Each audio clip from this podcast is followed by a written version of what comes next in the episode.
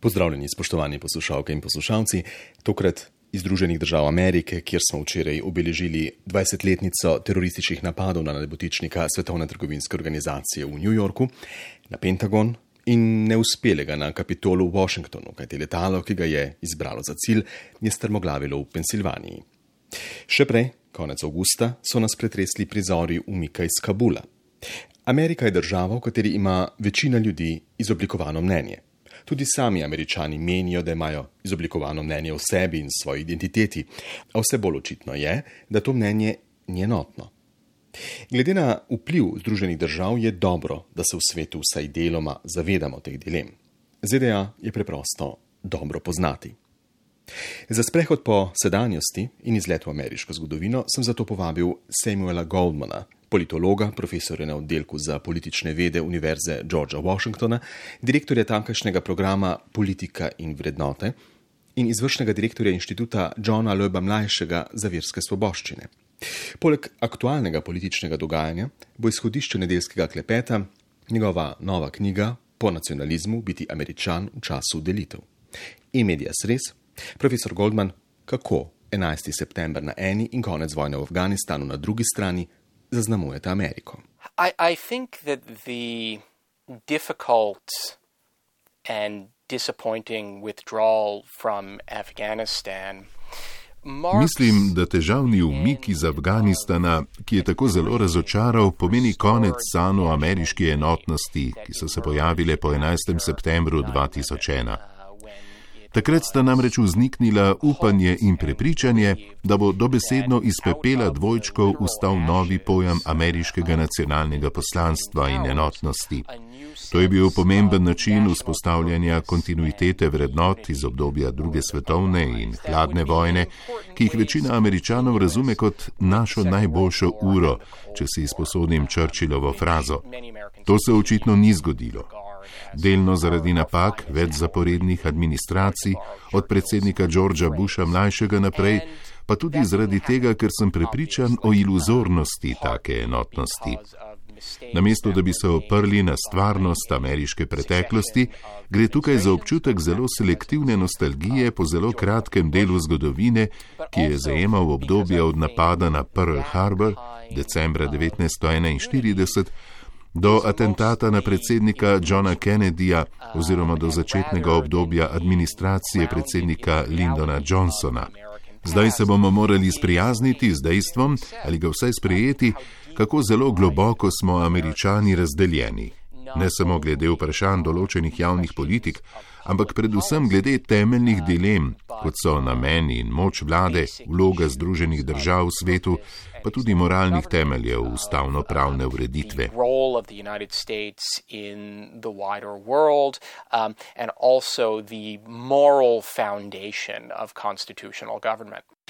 V svoji knjigi, ki je letos išla pri založbi Univerze v Pensilvaniji, omenjate vpliv, ki ga je imela na ameriško družbo vojna v Vietnamu.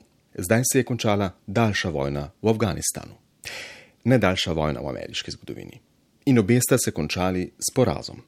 V zadnjih tednih je bilo mogoče slišati veliko primerjav paca Kabula s pacom Saigona leta 1975. I think in many ways it is. Um, in, in certain respects, the fall of.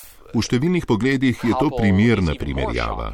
Na določeni način je padec Kabula celo bolj šokanten, kot je bil padec Saigona. Južno-vietnamska vlada je preživela še dve leti po uradnem koncu sovražnosti med Združenimi državami in severno-vietnamskim režimom leta 1973. Izkazalo se je, da afganistanska vlada ni mogla zdržati niti dveh tednov. Primera pa razkrivata tudi paradoks ameriške moči, ki je postal tako zelo očiten v času vietnamske vojne. Na eni strani so skoraj da neomejene zmogljivosti vele sile, ki lahko uniči svet in ki je ravno takrat na Luno poslala prvega človeka, Na drugi strani pa ta sila ni sposobna obvladati in umiriti neke majhne, revne države, na katero je sicer zelo malo američanov sploh pomislilo, preden se sredi 60-ih let ni prerinila v spredje pozornosti javnosti. Mislim, da so odzivi številnih američanov na te dogodke odraz občutka globokega ponižanja in frustracije. Ves čas nam ponavljajo, kako zelo močni smo in da je naša stvar nesporno upravičena, a nam zmeraj znova spodleti.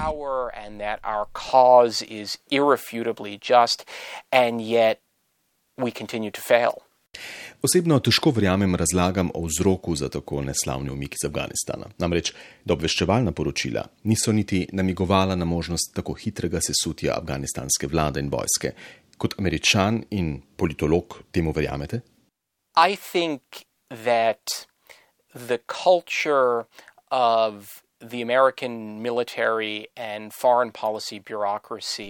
Prepričan sem, da kultura ameriške vojske in zunanje politične birokracije spodbuja razmišljanje v slogu pobožnih želja.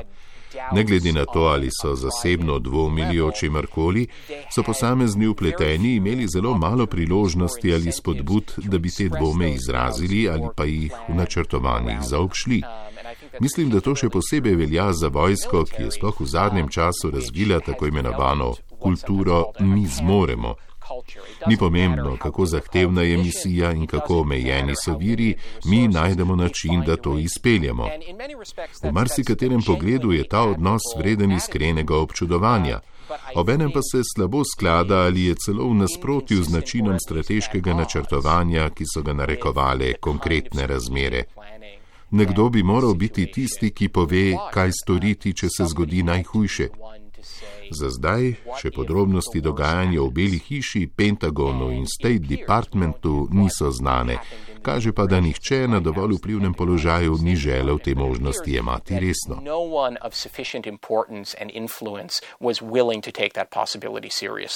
Ko sem začel Ameriko zares poznavati od znotraj, sem tako kot številni drugi tujci, ki v ZDA nismo zgolj kot turisti, spoznal, da sem bil žrtev optične iluzije. Amerika je tako ikonična, da se nam vsem zdi vse zelo znano. A ko človek tukaj živi, se bolj spoznava, da to znano ni povsem takšno, kot smo si predstavljali, ampak je nekakšna ukrivljena podoba. Obenem človek ugotovi, da je ameriška družba predvsem in če kaj, neenotna. To ugotavljate tudi vi neposredno in posredno, ko analizirate različne pristope k oblikovanju ameriške identitete. One of the stereotypes about Americans, which, like most stereotypes, has some basis in reality, even if that basis can be exaggerated. Eden od stereotipov o američanih in vsak stereotip ima v sebi vsaj drobec iz stvarnosti, pa čeprav je ta stvarnost pretirana, pravi, da američani ne vedo veliko o zgodovini in da ne marajo za njo. V določenih pogledih je to prednost.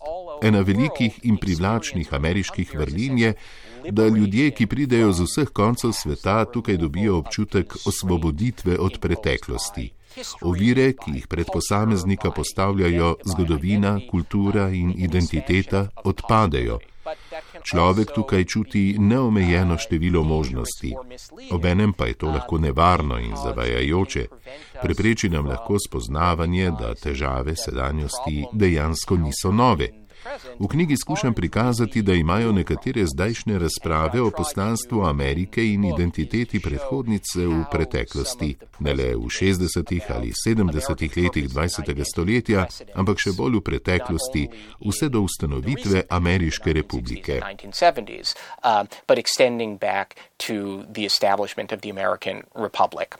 Zanimivo. Nikoli nisem občutka neobremenjenosti, ki ga lahko človek občuti tukaj, povezoval z zgodovino. Opažam, da je povprečni američan ne pozna, ampak name tukaj na vsakem koraku pritiska recimo sužne lastniška komponenta ameriške zgodovine. Na vas, američane, pa še bolj se se zmeraj znova ukvarjate z vprašanji državljanske enakosti. In ko človek pogleda pobliže, hitro ugotovi, da se skozi vso svojo zgodovino vrtite okrog istih vprašanj. Recimo, kaj je pravi američan ali kaj ne bi bilo tipično ameriško če pustiva oblikovanje posameznih politik tokrat ob strani.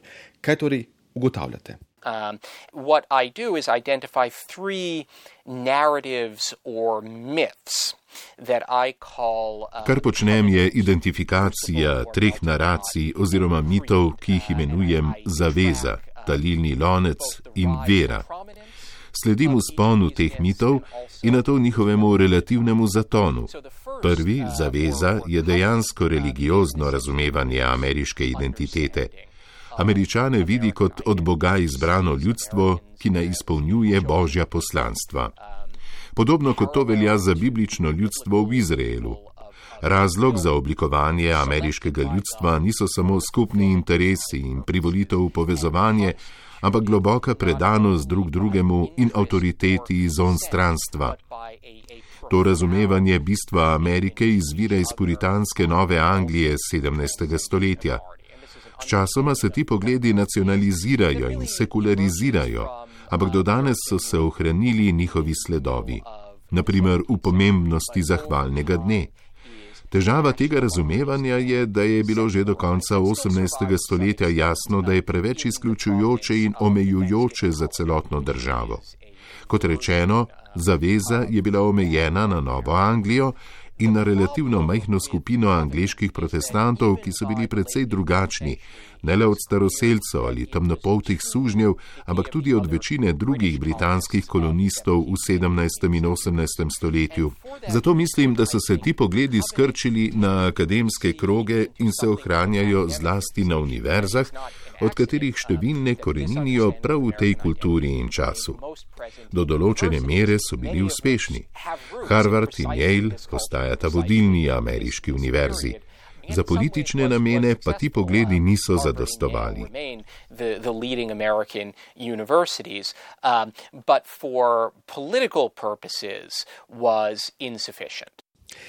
Še zlasti, ker bo Amerika kmalo postala obljubljena država še bolj drugačnih ljudi.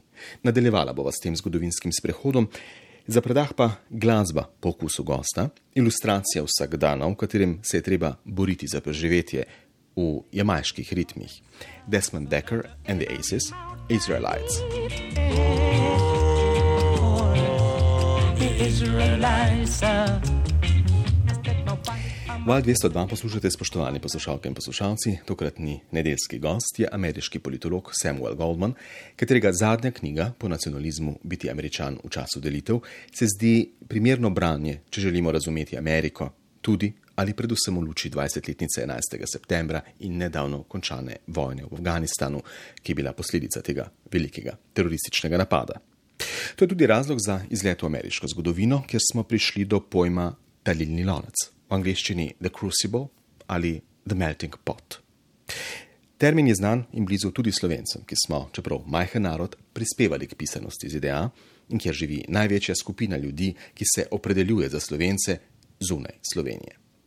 Če puritanska zaveza ni mogla prepričljivo odgovoriti na vprašanje, kaj je bistvo Amerike, v knjigi zelo hitro ugotovite, da tudi talilni lonec ni opravil svoje naloge. V skladu s tem mitom imajo američani različen etnični, verski in kulturni izvor, skupne izkušnje na, kot so takrat govorili, nenaseljeni celini, pa naj bi jih preobrazile v enoten narod, primerljiv z evropskimi narodi. Od to tudi primerjave s selitvami ljudstev v Evropi in pozni antiki, ko so iz germanskih plemen skozi stoletja nastali Nemci, Francozi, Angleži in drugi veliki narodi. Ta zgodba je bila privlačna, ker so se sredi 19. stoletja začele množične migracije v Severno Ameriko. Prej je bil obseg prostovoljnega priseljevanja, sem seveda ne štejemo trgovine s sužnji, bistveno manjši, Na tak način so takrat Nemcem, Ircem in Skandinavcem, ki so se takrat selili, rekli: Tudi vi ste američani. Čeprav se niste znebili na glasa ali slabo govorite angliško, bodo vaši otroci in vnuki američani. Ta podoba je nekako dobila tragično potrditev v državljanski vojni. Na bojiščih se je mešala kri tudi priseljenskih vojakov, ki so bili zlasti značilni za zvezdno severno vojsko. Služenje v vojski jim je prineslo priznanje, da so pravi američani.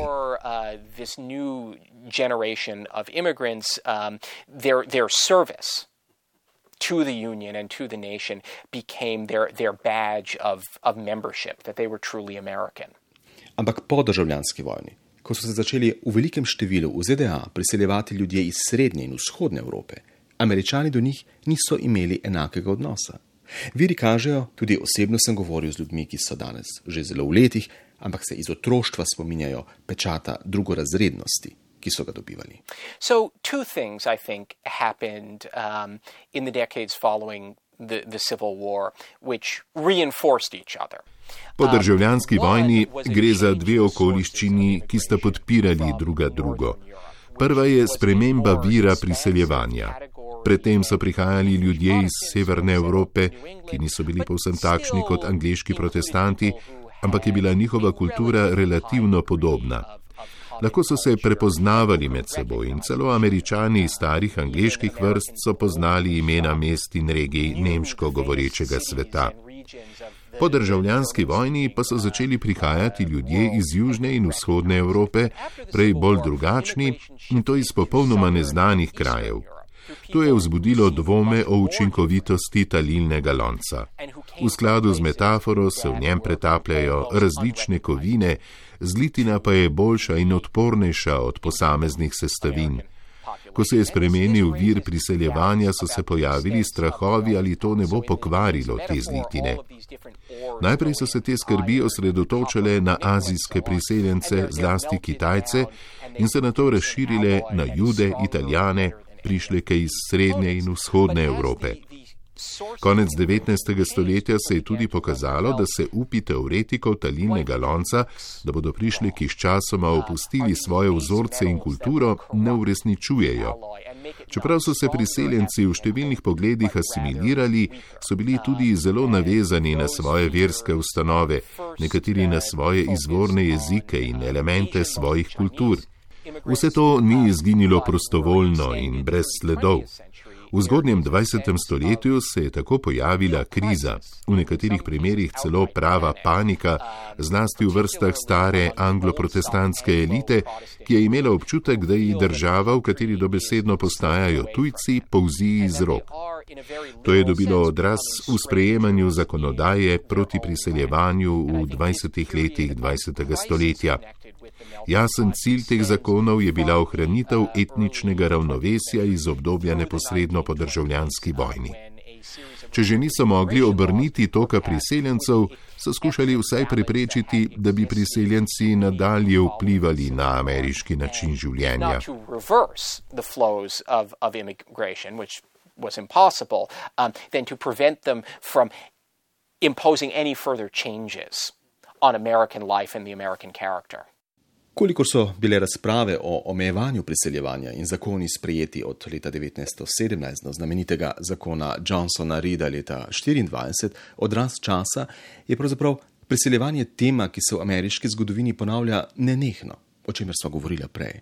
Tudi danes se to vprašanje postavlja ostro. Vidite kakšne usporednice? Tudi glede na najnovejši popis prebivalstva, ki kaže na manjšanje deleža belega prebivalstva ZDA, in hitro rast deleža latinskoameričanov. In many ways, um, it is similar, or at least it's, uh, it's a precedent. Um, v številnih pogledih gre za podobnosti. Razlika pa je v tem, da strahove danes goji široka skupina prebivalstva, ki jo opredeljujemo kot bele kristjane. Na začetku 20. stoletja je šlo za bistveno ožjo skupino anglo-protestantov, Na neki način je to dosežek asimilacije. Zdaj se priseljenci in njihovi potomci ne delijo več na kulturne in religiozne kategorije, ampak so oblikovali neke skupne ameriške značilnosti. Če pa govoriva o podobnostih, ena pomembna, širši javnosti manj znana, je dejstvo, ki ga je pokazal popis leta 1926. Izkazalo se je, da je prvič v zgodovini takrat več američanov živelo v mestih kot na podeželju.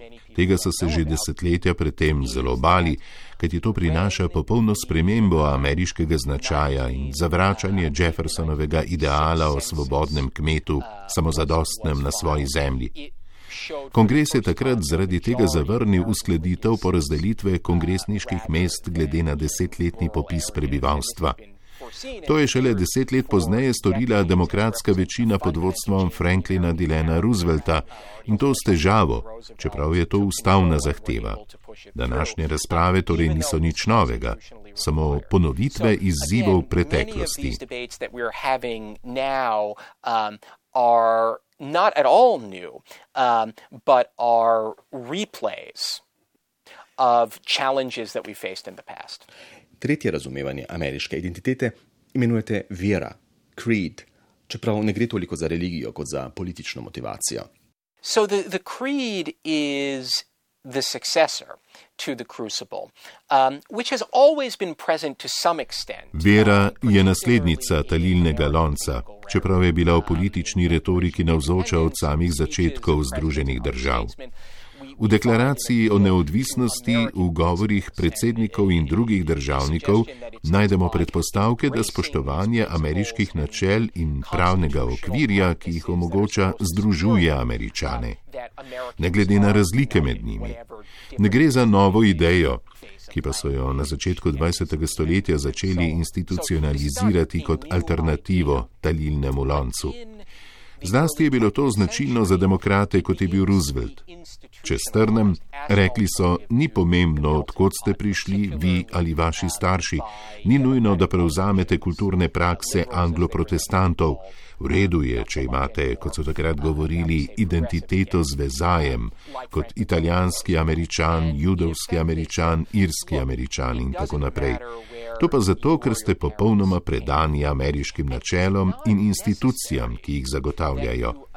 To načelo je postalo še močnejše med drugo svetovno vojno in na začetku hladne vojne, ko so Združene države vstopile v globalni ideološki konflikt kot zaščitnica svobode in demokracije. Za zagotavljanje politične koalicije doma, vojske na terenu ter mednarodnega zavezništva je bilo nujno sklicevanje na širša načela človekovih pravic in osebnih svoboščin. To je ZDA jasno razlikovalo od nacistične Nemčije, ki je sledila radikalnim rasističnim nazorom, ki so jih po njenih lastnih trditvah sicer navdihovali določeni vidiki ameriške zgodovine, pozneje pa tudi sovjetskega komunizma. Um, um, Tukaj je očitna težava. Vera povzdiguje privrženost ameriškim načelom in ustavi, ampak v ZDA ni bilo državljanske enakosti. Načela niso veljala za vse. Well, the creed faced, I would say, a, a, tension or, or contradiction. Rekel bi, da se je vera spopadala s protislovjem oziroma napetostjo. Čeprav gre za ponavljajoče se izročilo ameriške politične retorike, dejansko življenje, zlasti potomcev temnopoltih sužnjev, nikoli ni doseglo njenih idealov. Seveda so nekateri politiki in voditelji posameznih skupnosti skušali to protislovje omiliti, ampak globoko v 20. stoletju opazujemo v oči bodečo razliko med besedami predsednikov, politikov in generalov in stvarnostjo ameriškega življenja. Eden največjih izzivov desetletij po drugi svetovni vojni je bila pomiritev teh protislovi. Razumeti je treba, da uspehi gibanj za državljanske pravice niso bili vezani le na notranje razmere, ampak tudi na mednarodne. Amerika se je čutila dolžno živeti v skladu z ideali, ki jih je pridigala po svetu, obenem pa se je želela otresti politične ranljivosti. Komunisti so seveda z veseljem opozarjali na protislovje ameriških trditev o zaščiti svoboščin in odnosa do svojih temnopoltih državljanov. Mednarodno ideološko bojevanje med hladno vojno je zahtevalo poudarek načela vere obenem pa rešitev proti slovi tega načela v ameriški politični stvarnosti.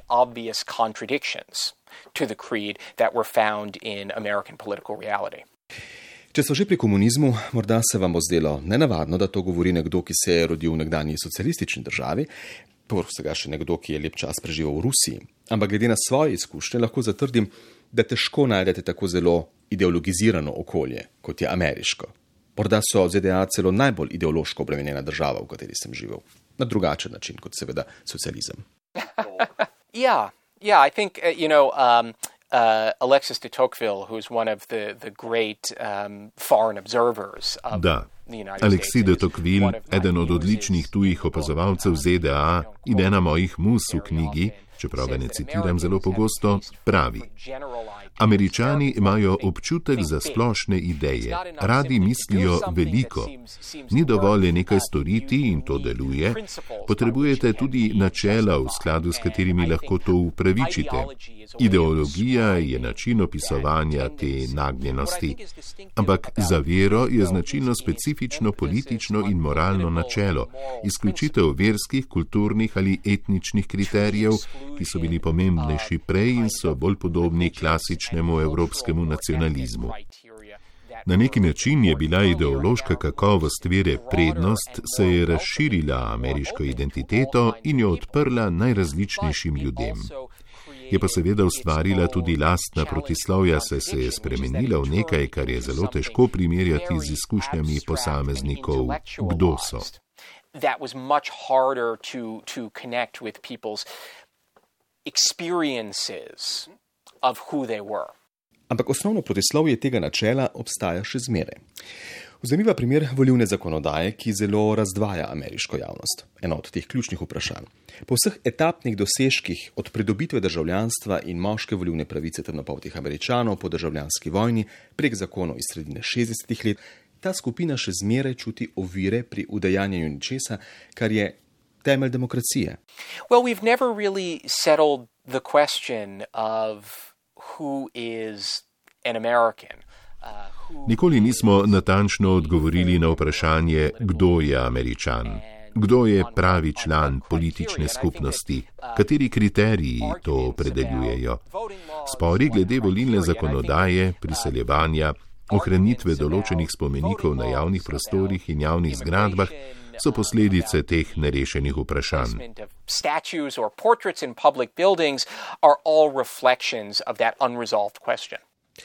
Zgodba Georgea Gershwina je dobra ilustracija menjega današnjega razpredanja. Potomec judovske družine iz Sankt Peterburga, rojen v newyorškem Brooklynu, do obisti se je zavedal, kaj to pomeni uspeti v Ameriki, danes velja za eno ameriških ikon. Težko je biti bolj ameriški od Georgea Gershwina. Po izboru Samuela Goldmana, Rapsodija v modrem.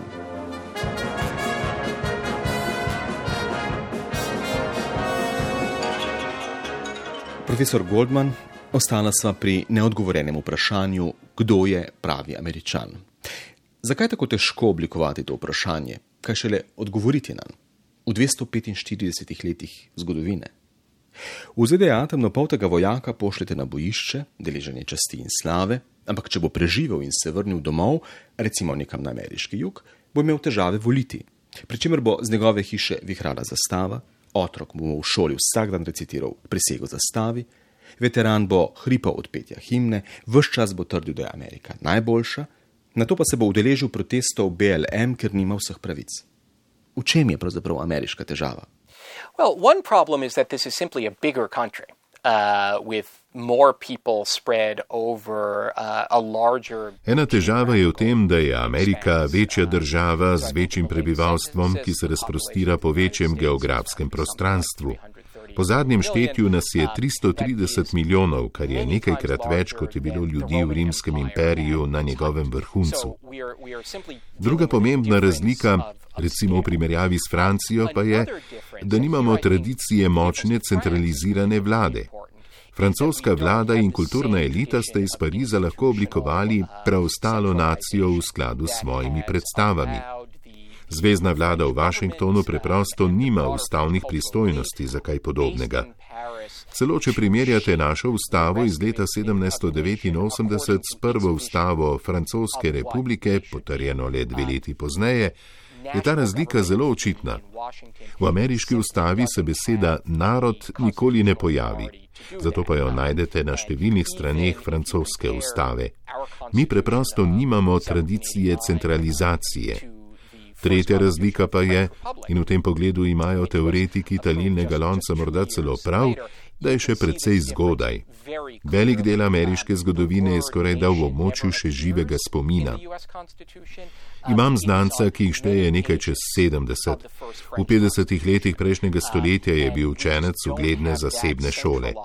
Babica žene enega od njegovih profesorjev je videla še živega Georgea Washingtona. To še ni tako dolgo tega. Morda drži, da bodo ameriški ljudje čez 500 ali 1000 let primerljivi s francozi, ampak to se še ni zgodilo. Pričakujem, da bomo dolgo čakali na to. And I expect that we will be waiting for quite some time before it does. Se nisem prepričan, ali centralizacija pomeni kakovost ali ne, ampak pravite, da Amerika potrebuje še najmanj 500 let? It takes time um, for settled habits to emerge. Um, Navade potrebujejo čas, da se ustalijo. Poleg tega velik del američanov živi v krajih, ki jih pred 50 leti dejansko še ni bilo. Recimo v predmestih v Nevadi, Arizoni, Georgiji in drugot, kjer se še ljudje spominjajo pol, ki so se predtem razprostirale tam. Ljudje se tja priseljujejo z vsega sveta, popolnoma drugače, kot govorijo stereotipi urbanega priseljevanja v 19. stoletju. Danes gredo ljudje neposredno v predmestje, ne več v mesto. Zato boste pregovorni ameriški pluralizem danes našli prej v prodajalnih središčih predmesti, kot pa v središčih velikih mest. Tukaj je, ponavljam, odsotnost centralizirane oblasti. In slednjič, dejstvo, zaradi katerega je Amerika tako privlačna, tako za tujce kot tukaj rojene ljudi, je, da se vam ni treba pretirano spreminjati, da bi postali pravi američan. Kot to na drugi strani zahtevajo francozi. To je prednost. Še zmeraj je v redu, če ste američan z vezajem, govorite tuje jezike. Celo kampanja predsednika Trumpa, ki so ga tako kritizirali zaradi naklonjenosti nativistom, je promocijski video za svoje potrebe na Floridi opremila špansko glasbo. Kaj takšnega si v Evropi težko predstavljate, vsaj do nedavnega ne. Obenem pa to zelo otežuje oblikovanje jasne, enotne nacionalne identitete, kakršna se je izoblikovala druge. Ena od značilnosti ameriške politične tradicije je, da ko govorimo o narodu, mislimo na narod v starejšem pojmovanju, na politično skupnost, ne na etnično oziroma kulturno. Osebno upam, da bomo obudili zavezanost Ameriki kot politični skupnosti, ki jo definirajo določene institucije in zgodovina določenega prostora.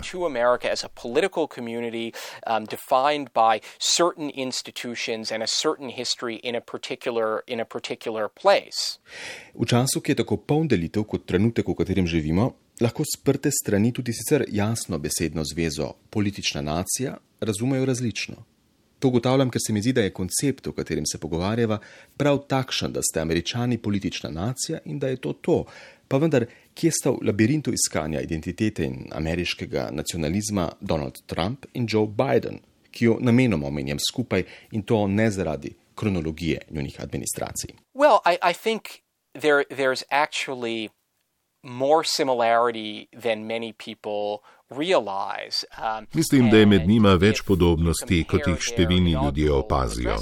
Že če primerjate njuna inauguracijska govora, boste videli, da se na zelo podobna načina sklicujeta na iste ideale povezovanja, solidarnosti in celo na religiozni občutek ameriškega poslanstva.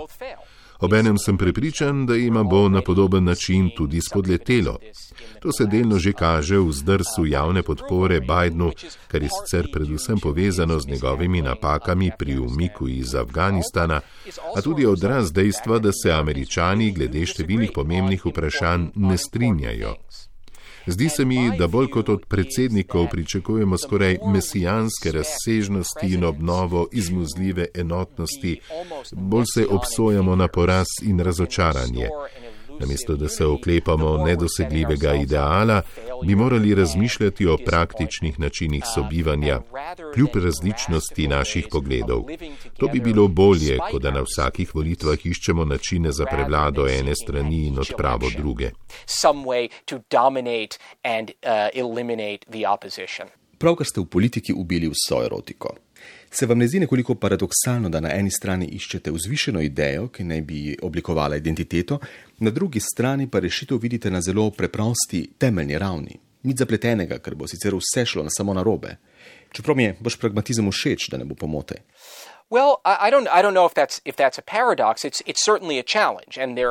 Ne vem, ali gre tukaj za paradoks. Vsekakor je to izziv. Nekateri analitiki in znanstveniki trdijo, da je moj predlog preprosto prešibek, da bi premagal konflikt interesov in mnen. Zlasti v tako veliki in raznovrstni politični skupnosti, kot je ameriška. Prepričan sem, da je to za uspeh najverjetnejša možnost. Včasih lahko dosežemo več, če iščemo manj in ne sledimo večjim idealom, ki pa nimajo veliko možnosti za uresničitev.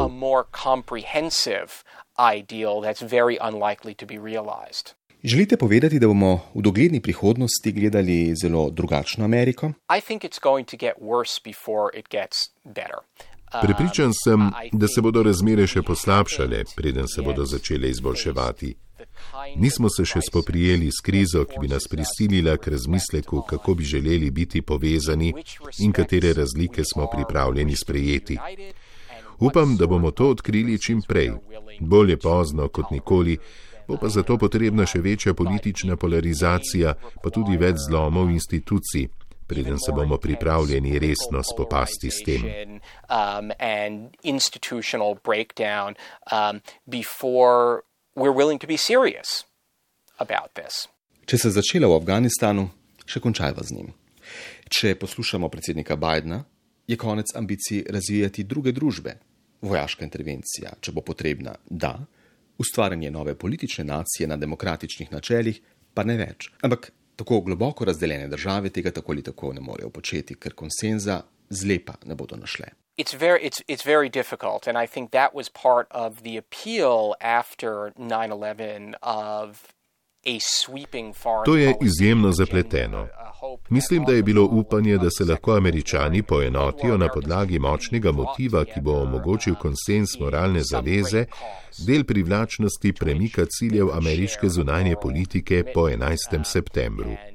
Žal se to ni zgodilo. Upam, da se bomo oprli na nekaj elementov starega puritanskega izročila, da naj bi bila oblika idealne skupnosti model, ki ga drugi želijo posnemati, ne pa da svoj model usiljujete drugim.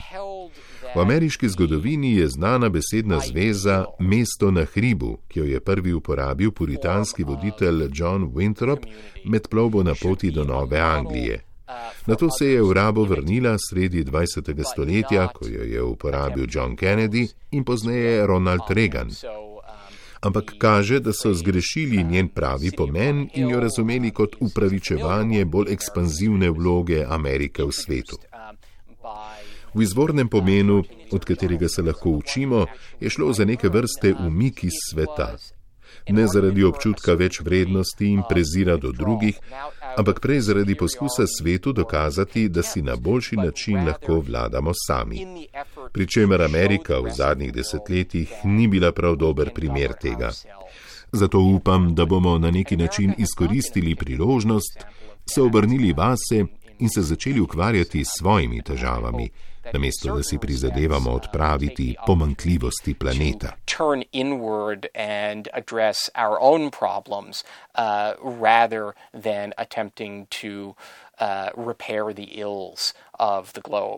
Zanimivo bo opazovati ta prizadevanja. Profesor Samuel Goldman, še enkrat ste dokazali, da se z razdalje bolje vidi celota, vse kar zadeva zgodovino. Pred desetletjem, ob desetletnici 11. septembra, smo vojno proti terorizmu, vsaj v tujini, razlagali kot ameriški instrument za doseganje hegemonije v svetu. Danes vidimo Ameriko, ki se ukvarja predvsem sama sabo in se umika iz sveta. Ampak z definicijo same sebe se je Amerika ukvarjala večino svoje zgodovine. V luči tega spoznanja tudi razmišljanje o ameriškem imperiju dobi nekoliko drugačen prizvok. A o tem ob naslednji priložnosti. Hvala, ker ste bili moj gost na valu 202. In hvala vam, dragi poslušalke in poslušalci, za pozornost. Morda samo še misel, tudi v Sloveniji se vse težje slišimo in razumemo, zato ta lastnost morda ni le ali pa ni več le ameriška. Zato je bil pogovor s Samuelom Goldmanom in vabilo k branju njegove strnjene in poučne knjige po nacionalizmu, After Nationalism, prej kot pričakovanje strinjanja, vabilo k razmisleku.